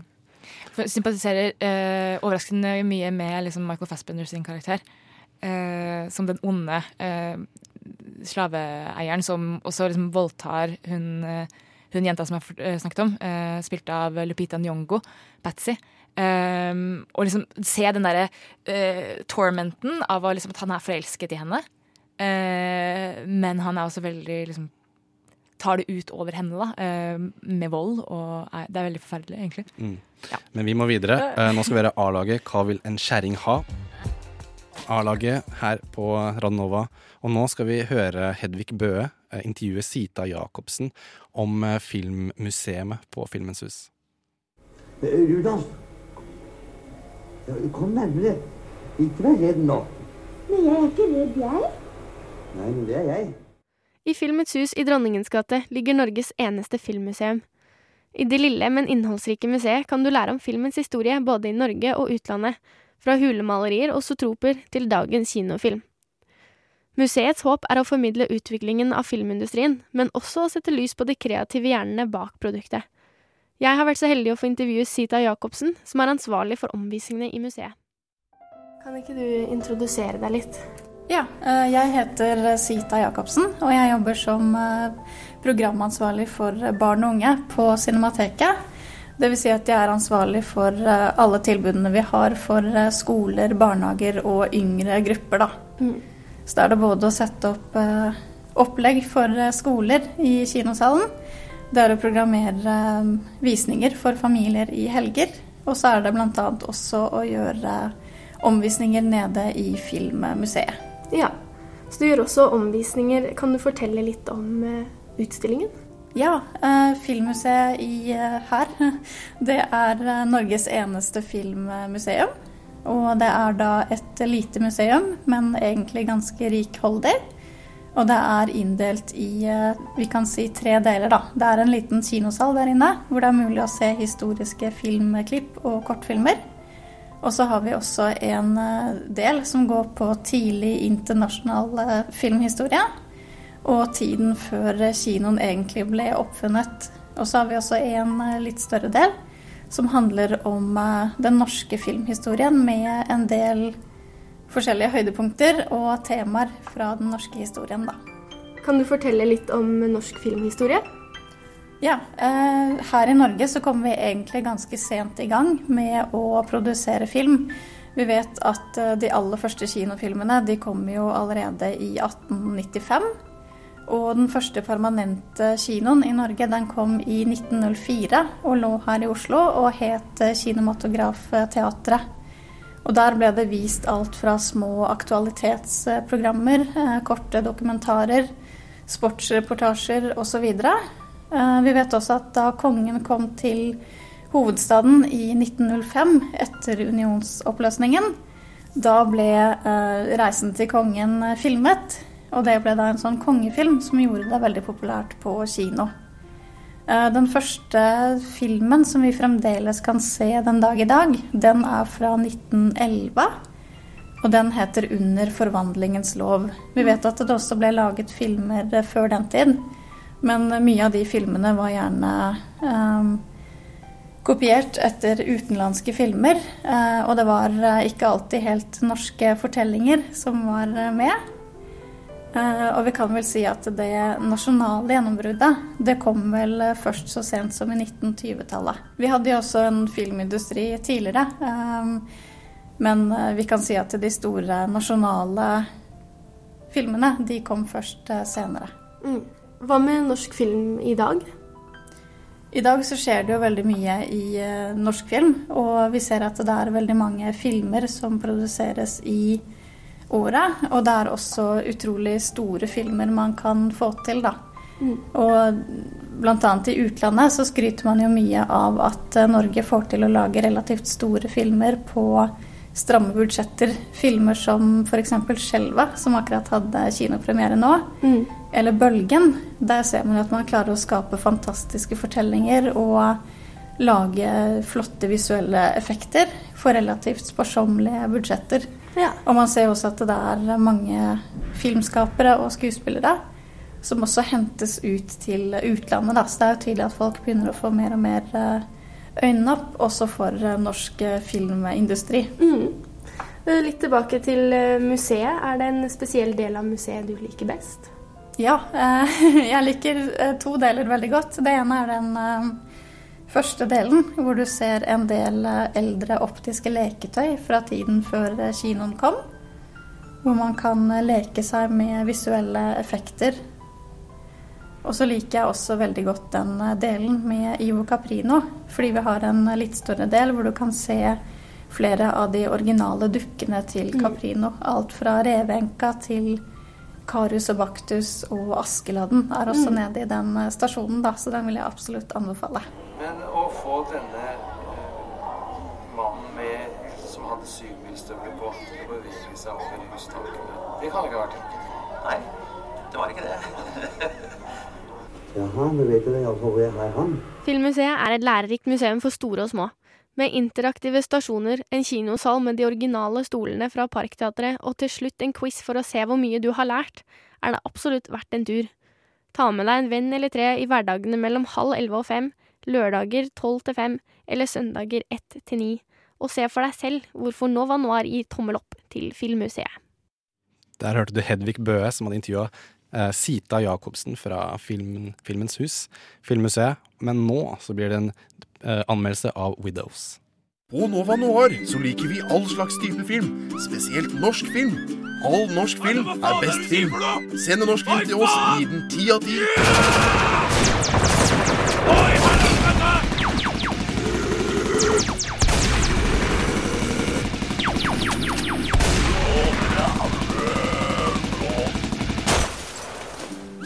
Noir vi liker fortsatt ikke kommersiell bullshit.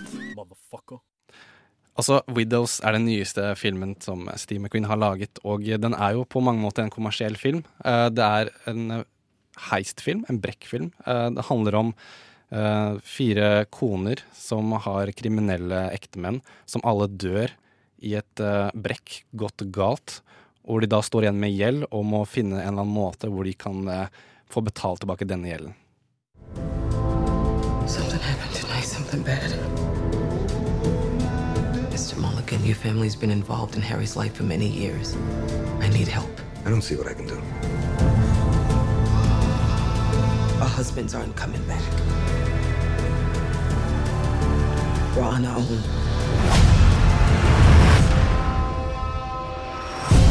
My husband left me the plans for his next job. All I need is a crew to pull it off. Why should we trust you anyway? Because I'm the only one standing between you and a bullet in your head. It's what I've learned from men like your late husband. and my father, is that you reap what you sow. Let's hope so. Dette er jo også en slags eh, krim-action-drama. Og jeg hadde veldig store forventninger til den filmen her, fordi at det er for det første den første filmen som Steve McQueen har laget etter han vant Oscar for 12 Years a Slave. Så han har blitt en veldig sånn prestisjefull eh, filmskaper. Så jeg er veldig interessert i at, at jeg følte han nå beveget seg litt vekk fra det typiske Steve McQueen. Litt mer sånn sjangerfilm. Eh, og jeg kan si så mye som at filmen starter med en sånn interessant åpningssekvens, hvor du får liksom litt eh, inntrykk i hver eneste eh, karakter sitt eh, forhold med mannen sin, og som er klippet sånn parallelt med dette brekket som går galt. Og jeg merket at eh, jeg ble veldig imponert i hvordan dette var klippet sammen, for du veldig får sånne korte snutter. Men det er nok til at du får liksom inntrykk i hvordan dynamikken og mellom altså konene og mennene er, og hva slags bakhistorie de har, og også at dette er en film med veldig sånn høyspennende action. Veldig sånn interessant eh, måte å vise et brekk gått galt på, hvor liksom kameraet er plassert inni den varebilen som de må løpe inn i, og du ser liksom i, altså politibiler som jager etter dem, og folk som krasjer, og skudd osv. Så, videre, så, videre. så det er veldig sånn action rett i trynet ditt med en gang. Så jeg syns det var sånn OK, jeg satt i stolen og bare OK, dette her dette tror jeg blir jævlig bra. uh, og så beveger filmen seg fra å være en eh, sånn, sånn film med godt tempo til å være en sånn veldig sånn uh, interessant uh, karakterfilm med veldig sånn komplisert plott. Men jeg følte at det er hele, det er hele tiden er plan om at de må De planlegger noe for å få betalt tilbake den gjelden. Så du har liksom et helt sånn klart mål eh, som du liksom jobber mot. Og det er veldig utypisk eh, Steve McQueen, for han er jo veldig sånn filmskaper som bare lar ting skje. At du ikke liksom sitter og venter på det store klimaks i slutten av filmen. da. Så det syns jeg var veldig kult. Var det noe du um, syns var Fordi at dette er en, budget, en film som har et enormt budsjett i forhold til kanskje de filmene før, spesielt 'Hunger' og 'Shame'. Uh, syns du den har liksom tapt seg i det kommersielle? Uh, altså, det som jeg eh, kommer til, jeg kommer til å komme tilbake til, men det jeg syns er kanskje det mest negative med filmen, er at den ikke er like fokusert som Steve McQueen tidligere filmer.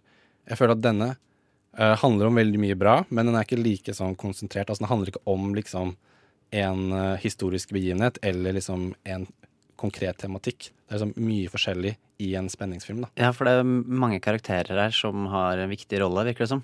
Og det er jo ulikt McQueen. Syns du han klarer det? Jeg syns han klarer det veldig bra. Også, det er jo som sagt et, en historie med mange brikker som beveger seg. Og han, jeg satt aldri og følte at jeg ikke visste helt hva som skjedde. Det var noen scener her og der som jeg følte var sånn litt malplassert, men de, uh, altså de ga mening senere i filmen. Og uh, altså det er jo helt enormt mange gode skuespillere. Altså vi har Viola Davis, som er i hovedrollen, som kona til Liam Nielsen, Liam Neeson, som er liksom hovedhjernen Uh, som da er sånn veldig sånn notorious kriminell, da, hvor det går gærent. Og hun er jo veldig vant til å leve et liv med mye luksus, mens hun da, men som da sitter der med ingenting.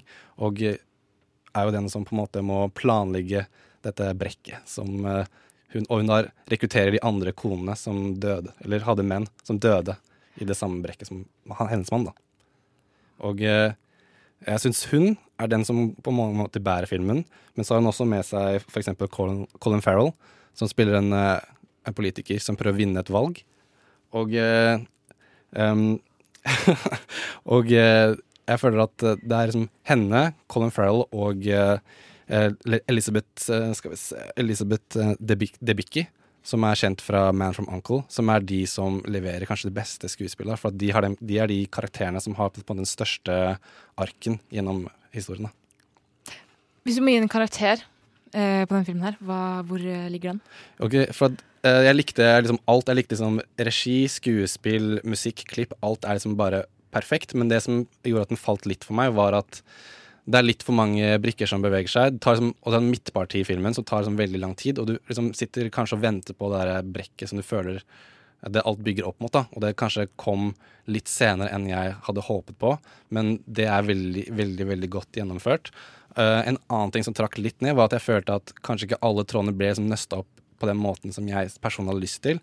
Men alt i alt så er det en veldig god film. Utrolig godt skuespill. Altså, det er bare godt håndverk fra A til Å. Liksom musikk av Hans Zimmer. Du sitter her og bare altså det, det gir så mye, da, med den gode musikken og det gode håndverket. Så jeg har lyst til å gi denne filmen åtte av ti. Og eh, jeg føler at den hadde potensial til å bli en sånn super, super Altså åtte av ti er veldig bra, men den kunne liksom blitt en ti av ti. Hadde liksom vært litt, eh, litt mer raffinert og litt spissere, da. Men, Høye eh, forventninger, altså. Høye forventninger. Men det er en veldig god film, og den har veldig sånn subtil, eh, subtil sånn sosial kommentar på hvordan ting er i USA nå om dagen. Mye med sånn politivold, våpen, politikk osv. Feminisme. Ja, også, blant annet. Så en veldig god film. Eh, anbefales veldig. Radionova er best. Alle, alle, alle andre er tapere. Radionova er best. Radio Nova. Mm. Radio Nova. Siden 1982 har Radio Nova gitt deg favorittmusikken din før du visste at du likte den.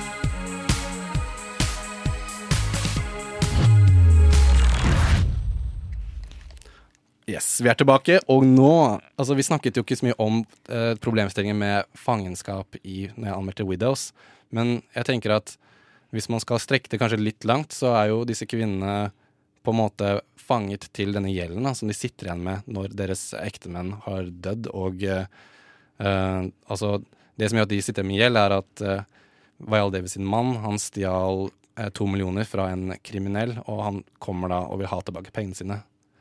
Og, eh, så de er jo på en måte låst til denne gjelden, økonomisk fangenskap. Fø- Følte du at det var noe sånn eh, mm, Jeg vet at den har blitt kommentert på at det er en sånn feministisk idé også. Jeg tror du det er noe sånn fanget i noen kjønnsroller, eller? Ja, altså Det er jo litt premisset i filmen. At eh, Grunnen til at eh, de tror at altså, ma Mange tenker at de kommer ikke til å klare dette heistet fordi de bare er kvinner, men de ser på det som deres største fordel, for ingen tror at de kommer til å klare å gjøre det fordi de er kvinner. Og jeg tenkte at man kan liksom se det på som at det er en veldig um, feministisk film på mange måter. At disse her tar eh, altså sin egen fremtid i egne, i egne hender. Men også så tenkte jeg at vi skal se på det med fangenskap. At de var kanskje fanget til sine ektemenn, og når de alle de døde, så på en måte så ble de da fri. Mm. For de var alle sammen er veldig sånn codependent, men nå på en måte blir de utfordret til at de må gjøre alt på egen hånd. Så hvis vi skal ta på problemstillingen var hvordan portretterer han eh, fangenskap i film? Eh, og vi har snakket om Hunger, Ja. hvor han portretterer det både fysisk ved et fengsel, eh, men også sånn politisk fangenskap. Ja, så har vi Eh, pratet om Shame, hvor han er fanget i sitt eget hode og er fysisk fri. Ja. Men også fysisk, ja, fysisk også fanget, da, fordi det er sex er jo fysisk. Men ja, jeg, Ja, sånn sett. poli, eh, liksom sånn rettslig er han fri. Mm. Også i 12 Years a Slave, hvor han er fanget i fangenskap som en slave. Og altså, det er helt folke, altså et helt folkeslag da, som er fanget av Ja, for eh, det er viktig. Han representerer jo eh, slaveri, ikke bare seg selv. Mm. Men jeg vil kanskje, hvorfor bruker han så mye fangenskap i filmene sine? Jeg tenker at Min teori er at han gjør det for at da er det mye lettere for de som ser på, å sympatisere og, så ha en medfølelse med karakteren. Da. At hvis det er noen som er låst, hvis noen som er fanget, er så heier du litt på det. Ja. ja, det er et veldig godt eh, poeng. Og det er en menneskelig, da, også. Absolutt. I det. Så Steve McQueen, en utrolig god filmskaper med masse bra filmer. Og jeg har lyst til å bare plugge at eh, Nova Noir Vi har jo en uh, livesending senere i dag, på torsdag. Glassbaren Ja, klokka, er, klokka åtte, er det så? Eh, det blir utrolig god stemning. Det blir gratis filmbilletter for noen heldige der ute. Hvis du er lei av å høre oss prate, så er det noen andre som prater. Ja, det er noe helt annet enn oss. Det skal ikke handle om Steve McQueen. Eh, du kan finne denne eh, altså, Dette er på podcast, iTunes, eh, Soundcloud. Og eh, i dag så har vi snakket masse om Steve McQueen. Anbefaler alle å sjekke alle filmene. Tone anmeldte den nye Fantastic Beast eh, Grindelwalds forbrytelser. Hun ga den seks av ti. Og jeg har anmeldt eh, Widows. Den nye super, eh, altså den nye filmen fra superregissøren Steve McQueen. Jeg ga den åtte av ti. Og eh, jeg vil bare si at det har vært en utrolig kul uke med masse bra film, og anbefaler alle å sjekke ut Steve McQueen sin filmografi, for han har mye bra. Så da er vi tilbake neste uke fra 10 til 12 på Radio Nova. Ha det bra. Ha det. Ha det.